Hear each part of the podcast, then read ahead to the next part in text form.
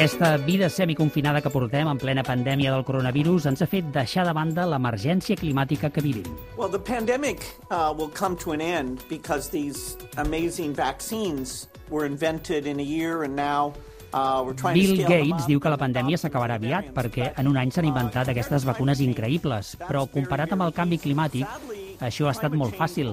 El multimilionari fundador de Microsoft pronostica que tristament el canvi climàtic costarà molts més morts, més de 5 vegades cada any abans que s'acabi el segle. El planeta està malalt i és molt possible que cap vacuna, ni cap mascareta com la que portem ara, el puguin curar ni protegir. Benvinguts al Mapamundi, el podcast d'actualitat internacional de Catalunya Ràdio. Mapamundi, el podcast d'actualitat internacional de Catalunya Ràdio amb Quim Olivares. Mapamundi, el podcast per saber què passa al món.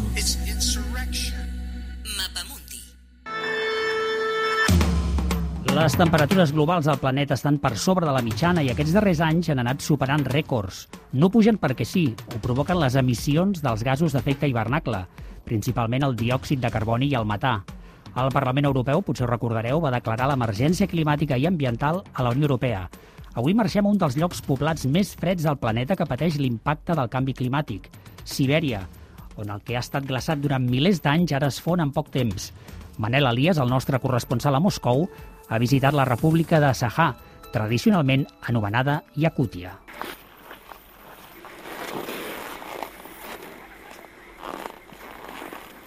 Aquesta immensa regió, més de sis vegades Espanya i amb només un milió d'habitants, és el regne del permafrost.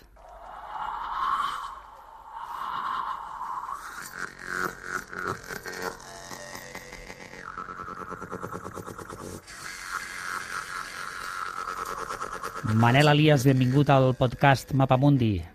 Una abraçada, què tal? Molt bé, Manel, vas viure temperatures de menys 50 graus a la ciutat de Yakutsk, on hi viuen 300.000 persones. És, de fet, diuen, la ciutat més gran del món, construïda sobre permagel. Quin panorama t'hi vas trobar, Manel? Sí, don, doncs eh, de seguida que vaig aterrar, d'entrada, evidentment, do, dos impactes simultanis. El primer és aquest fred que jo mai havia sentit. Aquí a Rússia, eh, evidentment, estic avasat a temperatures baixes, però eh, més de menys 30, menys 31 no hi havia passat mai. I aquí vaig aterrar directament a menys 52 i el canvi és fort. I per altra banda, també un impacte visual, perquè en un primer moment em vaig pensar que, que era un dia d'una boira molt intensa, molt densa, no, no veia res, i després em vaig adonar que això no era, que no era boira, sinó que parlant amb la gent i, i comprovant-ho, eh, el dia podia ser clar, però amb aquest fred tan intens i l'activitat d'una gran ciutat, eh, on hi ha cotxes que, que funcionen les 24 hores perquè no es pot ni parar el motor, si no es congelaria, tot aquests, eh, aquesta activitat humana tots els vapors, gasos, etc queden eh, congelats al, al moment, no? I per tant era com una representació visual del fred també molt, molt potent. I el fet que estigui eh, construïda, com dèieu, sobre, sobre aquest subsol de, de, de permagel també es veu gràficament perquè totes les edificacions tenen els fonaments gairebé a la vista, no? Uns pilars molt llargs que s'enfonsen fins al, fins al permagel. I d'entrada això és el que em va, el que em va cridar més l'atenció. Mm, Hem parlat de permagel, de permafrost. No sé si hem de dir d'una cosa o l'altra, però ens acompanya l'Olga Margalef, que és geòloga del Centre de Recerca Ecològica i d'Aplicacions Forestals, el CREAF. Hola, Olga. Hola, bones. Què hem de dir? Permafrost? Permagel? Les dues són vàlides? Podem fer servir les dues. El Intercat eh, recentment s'ha procurat de discernir una mica sobre la qüestió i permagel es pot dir en català, tot i que per influència també de la anglosaxona no? i de la terminologia científica que, que molts cops predomina en anglès, permafrost també també s'utilitza. I quines característiques té aquest, aquest permafrost, permagel? És el subsol, és el substrat que està completament congelat. En diem permagel quan durant dos anys seguits es manté congelat, sense descongelar-se. I aquest substrat pot ser roca, pot ser rocós, però també pot ser sediment o pot ser fins i tot doncs, un, un, un sol, un, un sol on creix la vegetació, no? que nosaltres podem, podem conèixer. Doncs aquestes, en, en aquest cas, les, les gotetes d'aigua que formen part del sol, no? nosaltres quan, quan cavem, fem un forat, podem notar que la terra està humida, doncs hem d'imaginar que aquesta, aquesta aigua que conté, en temperatures molt baixes, està en forma de, de gel. No? Es li dona una consistència a aquest sol completament rígida, dura, com una roca, i, i això seria el, el permagel. Nosaltres aquí en tenim poc, només a, a molta alçada del Pirineu, però hem de saber que ocupa grans extensions del planeta de l'hemisferi nord. I quin espessor té? És a dir, clar, no, no, no, no estem parlant de pams, m'imagino, no? Estem parlant de molts metres eh, Estem parlant del 25% de l'hemisferi nord pel que fa a superfície, el qual és una superfície enorme que es concentra sobretot al nord, al nord de Rússia, i pel que fa a profunditat, doncs depèn, pot anar de pocs centímetres i pocs metres en els marges de la seva distribució, a les latituds més baixes on hi ha més temperatura, i en canvi a les zones més fredes pot tenir més d'un quilòmetre. Em sembla que, que les zones on es calcula que té, que té un gruix més, més important té un quilòmetre i mig fins i tot. Tu, Manel, vas poder veure les esquerdes no? d'algunes de, de les cases. Realment la situació és complicada en aquestes cases a tot arreu o només són unes poques les que es va, et vas trobar en aquesta situació? No, eh, la veritat és que la, degra la degradació del permagel eh, ha fet fins i tot canviar els mètodes de, de construcció que s'utilitzaven. No? Aquest permagel, diguéssim que té com una part activa, eh, la, la part que més, més propera a la superfície, que cada estiu es desglaça una mica i després l'hivern, quan torna a fer fred, torna a recuperar els nivells que tenia. No? Això és un joc que, que va passant. Cada vegada menys durant l'hivern es recupera el que ha perdut de, a l'estiu i això fa que el, el terreny sobre on estan eh, construïda aquesta ciutat sigui inestable. Fins fa uns anys, eh, per exemple, els pilars que baixen fins, a, fins al permagel o permafrost tenien 6 o 8 metres. Ara això ja s'ha vist que és totalment insuficient i els fan de 14 metres, però tot i així, de tant en tant, i, fins, i sobretot amb els edificis que tenen eh, més anys, hi ha problemes, hi ha molts edificis amb esquerdes, hi ha molts edificis amenaçats, i de tant en tant en surts, com el, el que hi va haver aquest juny, eh, tots els veïns que vivien en un bloc, una trentena de, de veïns, per sota era un, un bloc eh, baixet de, de només dues plantes, però n'hi ha de molt, de molt més grans, no? I van haver de sortir corrents a la nit perquè eh, com ens va explicar una veïna, la Raïssa Gorojova, eh, es van pensar que hi havia un, un terratrèmol. Может быть, землетрясение, я так подумала. Ну, было очень страшно, потому что мы же, наш дом-то был не аварийный, поэтому ни, никак... Aquí ella explica que van passar molta por, primer això, es va pensar que havia estat un terratrèmol, va ser ella que va trucar als serveis d'emergència, de, que no s'ho esperaven perquè la seva casa no era de les que estava catalogades com, com eh, en les possibles d'emergència, però tot i així va patir aquestes dues esquerdes que eh, han fet que no es pugui evitar mai més, és a dir, no hi han pogut entrar ni a recuperar les seves coses i s'ha sabut que és per culpa d'aquesta de, de, degradació del, del permafrost.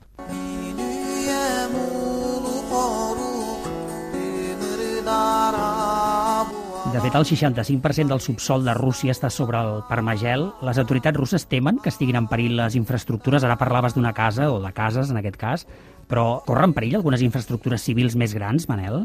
A veure, les, les autoritats ja no poden esquivar gaire més aquest problema perquè mm, d'entrada es veu, és a dir, aquestes esquerdes hi són i hi ha molta gent que té por, eh? hi ha molta gent que té por d'entrar a viure al bloc on viu. Fins i tot aquí a la República de Sahar s'ha aprovat la primera llei de defensa del, del permafrost. El que passa és que eh, diversos activistes es queixen que s'ha aprovat la llei però no s'ha acabat de fer res més concret per actuar, no? Perquè per una banda, clar, el problema és primer del canvi climàtic i això a nivell local és molt difícil de, d'actuar, és a nivell global, no? tot el món alhora que hauria d'actuar. Per altra banda, en aquesta zona de, de Sibèria hi viu poca gent. El problema és que hi ha molts recursos naturals, hidrocarburs, petroli, gas, amb infraestructures que si s'avarien, aquestes sí que poden ser eh, molt perilloses. I de fet ja ha passat. Eh, aquest estiu, per exemple, hi va haver una fuita en, una, en un tanc de dièsel de la planta de, de Norilsk que ha sigut una catàstrofe immensa. No? Aleshores, per exemple, Greenpeace Rússia que lògicament crida a canviar eh, el, el, el model energètic, etc. però una de les coses que demanen és que es deixi d'explotar els recursos de gas i petroli d'aquesta regió perquè representen un perill molt greu. Però clar, eh, per Rússia és tan important els ingressos que n'obté que aquesta és una equació que serà molt difícil de, de quadrar. Parlaves de Norilsk, Olga, aquesta mena de, de conseqüències socioeconòmiques són, són habituals, ens hem d'acostumar que les infraestructures que estan sobre el Parmagel puguin també doncs, caure? Sí, sí, sí, serà un problema que cada cop veurem de forma més freqüent en el futur en aquestes regions. Realment, no només al, al nord de Rússia, també tenim, en, per exemple, al, al, a Nord-Amèrica, A la façana àrtica d'Alaska hi, ha grans, hi ha grans reservoris d'hidrocarburs també a la costa. Hi ha, per exemple, un gran oleoducte, un dels més llargs del món, que travessa Alaska de nord a sud i en gran part per sobre el permagel. Va en alçada, amb una espècie de, de fonaments que són uns termosifons que el que fan és refrigerar el subsol per evitar la degradació del permagel, però hem d'esperar que en un futur totes aquestes infraestructures i algunes que potencialment poden acabar detonant alguns eh, accidents medioambientals eh, seran, més, seran més habituals. I a part de l'impacte en les infraestructures humanes, que això és el que, el que preocupa per, per, per la població no? que hi habita, també som conscients que, que la degradació del permagel, d'altra banda, el que fa és transformar també el, el paisatge en les zones inhabitades, en els paisatges naturals, canvien dràsticament, perquè aquests esfondraments que es donen on hi ha habitatges també es poden donar en zones on no n'hi ha, es poden formar llacs en zones on no existien, rius en zones on no existien, aquesta eh, part de l'aigua del subsol pot, pot passar a circular, canviar la hidrologia de la regió, pot canviar eh, en gran part un paisatge eh, de forma irreversible, diguéssim, a escala humana, no? amb una velocitat que no esperaríem per cap cicle natural, amb una velocitat accelerada pel canvi climàtic que hem, que hem generat els humans. I a tot el, a tot el planeta el problema és el mateix, Olga? És a dir, que el, és, el problema és l'oscil·lació tèrmica, és a dir, com deia en Manel, a l'estiu temperatures que arriben gairebé als 40 graus i a l'hivern en temperatures tan baixes, de menys 50? No, aquesta regió de, de Yakútia té l'amplitud tèrmica més, més, més, bèstia. més bèstia del planeta, però sobretot pel permagel el que, el que compta una mica per, per la seva presència és, eh, parlem de la mitjana anual, no? quan les mitjanes anuals estan a zero per sota zero, com és el cas d'aquesta regió, en trobem. El que és perillós, diguéssim, és el que potencia la degradació, és aquesta tendència d'escalfament. També és cert que, com, com també seran més freqüents amb el canvi climàtic, onades de calor, o fins i tot en aquestes regions alguns incendis, això seran eh, moments en què hi haurà eh, doncs, unes, unes fusions més elevades, segurament, d'aquest subsol i que contribuirà a accelerar-ho. Parlàvem dels incendis, Manel, a, a l'estiu hi ha hagut incendis forestals força importants a Sibèria, no? En els darrers dos anys ha sigut bestial. Estem parlant de... Per exemple, l'any passat es van cremar 20 milions d'hectàrees i 10 milions són de, de boscos de Sibèria. I això eh, multiplica el problema perquè els boscos, la natura, la vegetació protegeix també el, permaso, el, el permafrost i estan desapareixent, és a dir, eh, hi ha molts incendis que costen molt de pagar perquè estem parlant d'unes extensions de terreny molt, molt grans i de molt difícil accés i pràcticament en rebem molt poques imatges. És a dir, que no és d'aquests incendis que generen un, un, uh, un drama social perquè hi ha cases a la vora. No, però van cremant, van cremant en silenci i això també accelera el cicle d'escalfament del planeta. El mateix incendi eh, fa pujar les temperatures, però es degrada també el sol, es degrada el, el permagel, per tant és, és un uh, problema immens. No, anava a afegir que en part d'aquestes regions tenim, dominen uns sols molt particulars que són molt rics en matèria orgànica, en, en fragments vegetals antics, etc que s'han acumulat. I el fet de que hi hagi aquests incendis et degrada el sol. El combustible són els arbres que hi puguin haver, però també el sol és part d'aquest combustible. Per això també són tan difícils de pagar aquest tipus de, d'incendis, i si es perd, com deia el Manel, aquesta capa protectora, aquesta capa fa com d'aïllant tèrmic, a l'estiu eh, fa que, el, que l'escalfor de fora no entri tan, tan en dintre, tan en profunditat, i si això també es, es volatilitza amb un, amb un incendi, literalment, doncs exposa a una major degradació. Manel, vas visitar l'Institut de Permagel, del Permagel, vas poder visitar els túnels i veure'l per sota, perquè els, els geòlegs parlen molt del Permagel però no el veuen, tu, tu sí que l'has pogut veure, no? Sí, eh, i, i de fet a mi, eh, a diferència de l'Olga segurament, perquè eh, clar, l'Olga eh, ho domina molt, no? hi ha hagut de fer aquí un, un màster eh, accelerat, i a mi em va sorprendre molt, perquè clar, m'esperava entrar en una mena de, de congelador enorme, és a dir, tot blanc i glaçat, i no és ben bé així. Com deia ella, són materials eh, molt diversos, sòlids, etc que poden ser de color marró, com fangonós, però no veus el típic gel que, que m'esperaria, no? Però a banda del que veus, eh, l'important aquí eh, és el, el que conté atrapat aquest permagel, que són gasos que fa milers d'anys que hi dormen i que si aquest de gel avança molt i queden alliberats, podria comportar un, perill eh, fins i tot difícil de descriure ara, no? perquè són gasos d'efecte hivernacle molt poderós que podrien entrar en una espiral, diuen, de no retorn. És a dir, es degela una mica, passen aquests gasos a l'atmosfera, com que aquests gasos passen a l'atmosfera, augmenta l'efecte hivernacle i les temperatures del planeta, per tant, es desfà més el permafrost i tot això és una, una espiral que es va accelerant. Això pel que fa als gasos, però també eh, en parlaven molt aquí en aquest, eh, en aquest Institut del Permafrost, el seu vicedirector, dels bacteris, que també representen un gran interrogant. И они лежат очень долго, 100 тысяч лет. А могут быть такие бактерии... El que explica és que eh, aquests eh, bacteris pot fer que estan atrapats centenars de milers d'anys i que no sabem com són. Ell parlava fins i tot de bacteris bons, és a dir, poden tenir alguns usos positius per la humanitat que no els sabem, però també alguns de, de realment perillosos. I aquest és un gran interrogant que també si es va desfent, desfent i aquests bacteris passen a activar-se, no sabem quines conseqüències pot tenir. Parlàvem de, de gasos d'efecte hivernacle molt poderosos, deies, Manel, però a veure, Olga, creus realment que tot el permafrost descongelat serà una font d'emissió tan gran com el que representa la Xina, que diuen que és el primer emissor mundial de, de gasos d'efecte hivernacle? Doncs certament eh, les, les estimacions que s'estan fent avui en dia apunten que les zones de permagel, amb aquesta degradació que hem anat comentant, seran unes zones d'emissió de, eh, primordials, molt principals, molt importants en els propers anys. Penseu que en aquests sols que hem comentat abans, que eren molt rics en matèria orgànica, això vol dir que contenen molt de carboni, en forma de matèria orgànica. Aquesta matèria orgànica, quan es descongela, es degrada, Eh, per acció de, micro, de microbis, de microorganismes. Podríem fer una analogia amb el menjar que guardem al congelador, que està preservat, i quan deixa d'estar congelat, allò es degrada, pateix una transformació. En aquesta transformació de la matèria orgànica, els microbis el que fan és emetre, al final de, de, diverses, de diverses reaccions, poden emetre doncs, grans quantitats de CO2 o matar.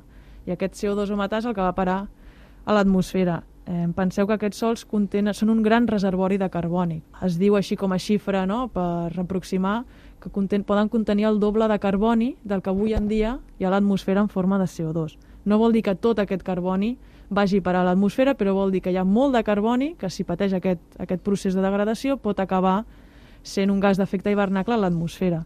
Hi ha estimacions que diuen que a finals de segle es poden haver emès en aquestes regions entre 80 i 180 gigatones de carboni, són moltíssimes. És una font d'emissió comparable a la de grans potències mundials. I un dels problemes que tenim és la incertesa, perquè aquests ecosistemes hi ha encara moltes preguntes del, sobre el seu funcionament, són àrees de difícil accés, són àrees remotes, eh, són extensions molt grans, i no se sap molt bé quina serà la resposta exactament, quina serà, amb quina velocitat podran ser fonts d'emissió o hi haurà alguns mecanismes compensatoris. I per això la comunitat científica està posant molts esforços actualment en estudiar aquestes regions. De fet, el panell internacional que està aportant els, els materials més importants per monitorejar aquest canvi climàtic que estem visquent, que és l'IPCC, mm. reconeix que encara no incorpora aquestes emissions de forma fidedigna en els seus informes. Vol dir que és una cosa que està en desenvolupament i que els propers anys segurament tindrem estimacions més acurades i ara, eh, com us deia, té, té l'atenció de molt, part, gran part de la comunitat internacional que està estudiant el canvi climàtic. Je regarde euh, la salle, je vois que la réaction est positive, je n'entends pas d'objection. L'accord de Paris pour le climat est accepté. Aquest és Laurent Fabius, ministre d'Afers Exteriors francès, al desembre del 2015. Parlem dels acords de París d'aquell any que obliguen una reducció d'emissions de CO2 això amb el degel del permafrost es podrà complir, reduir el 2%, els 2 graus, perdó, com van acordar aquests 195 estats? Corre perill, això? Corre perill, sobretot per la manca de voluntat política que estan mostrant la majoria d'estats de, signants del propi acord. Necessitem un, uns compromisos en reducció d'emissions molt, molt estrictes, que estan en, sobre el paper, però que encara no, no, no s'executen, no? diguéssim, no hi, ha, no hi ha un canvi de polítiques prou valentes i és un, estem en contrarrellotge en aquest sentit. Encara estem generant molta informació al voltant del canvi climàtic, sobre les incerteses i sobre, bueno, intentant reduir les incerteses, em refereixo, etc.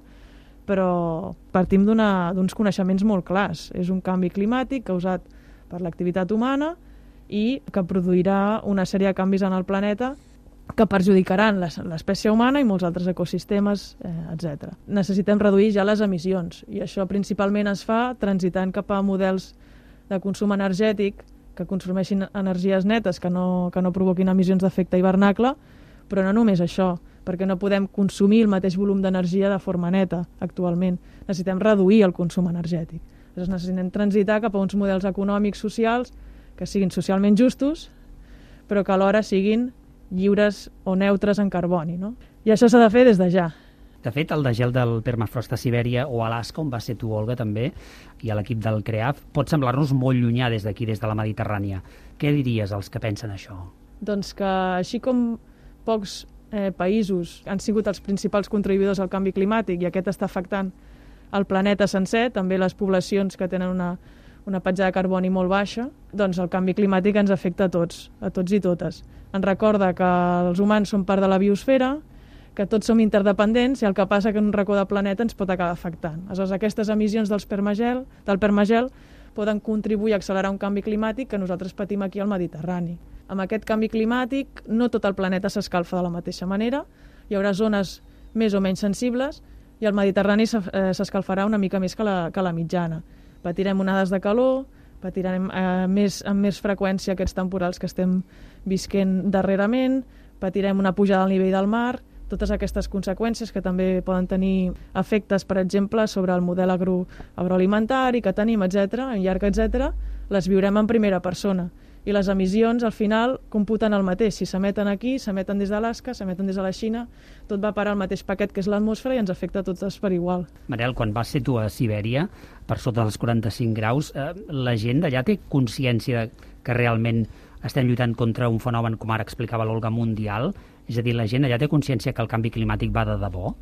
Sí, eh, per una banda hi ha la comunitat científica que no, que no en té dubte. De fet, una de les coses que, que em deia el vicedirector que hem escoltat és que tots aquells que posen en dubte el, el canvi climàtic, encara hi ha molta gent que el posa en dubte, si veiessin els estudis que ja estan fent, com ells estan monitoritzant tot el que està passant sota terra, ningú podria posar-lo en dubte. Els que sí que s'ho creuen bé són aquells que viuen en les ciutats on comença a haver-hi esquerdes als edificis, etc perquè és com una alarma visual, no? però encara queda per fer aquí eh, molta pedagogia.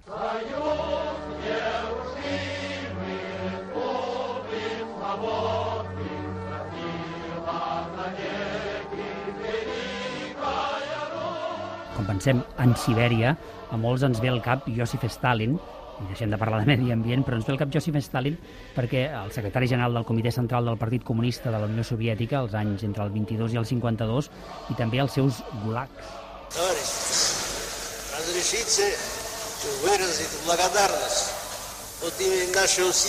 Aquest que sentim més és Stalin. Um, Manel, tu vas tenir l'oportunitat no de visitar gulags, però sí almenys per veure una carretera que té una història terrible al darrere, oi, Manel? Sí, eh, aquesta zona eh, tan inhòspita i, i de condicions eh, tan dures per, per la vida, com que és tan rica en, en recursos eh, naturals, Stalin va veure que era un bon lloc per explotar-la, no? Però clar, eh, per explotar-la calia primer mà d'obra, després eh, uns diners que no, que no hi havien i també un sistema de comunicacions. Per un cop eh, explotes o treus, per exemple, or, que n'hi ha molt, s'ha de poder transportar fins als vaixells un cop es desglaci o amb avions. Aleshores, Stalin va pensar que allà era un molt bon lloc per enviar-hi totes les víctimes de la seva repressió massiva no? i realment posa els pèls de punta pensar en quines condicions van treballar i morir perquè realment eh, van morir moltes persones construint aquesta carretera que, que vam transitar. No? Eh, Se'n diu la carretera dels ossos i no és una metàfora, és a dir, literalment està construïda damunt d'ossos perquè eh, moltes de les persones que s'obligava a treballar 10-12 hores cada dia en un lloc que l'hivern ja hem explicat que pots arribar a estar a menys 60 graus, és a dir, que ben equipat ja costa d'estar-hi uns minuts, aquí gent mal alimentada, amb malalties, etc, havien de treballar de 10 a 12 hores i morien molts. I com que fa tan fred i el gel és tan dur, no es podia ni fer un forat per enterrar-los. Aleshores se'ls tirava una mica de sorra al damunt i allà quedaven, no? i se seguia treballant uns metres més endavant i per això es diu la carretera dels ossos i realment és un trajecte que posa els pèls de punta encara avui.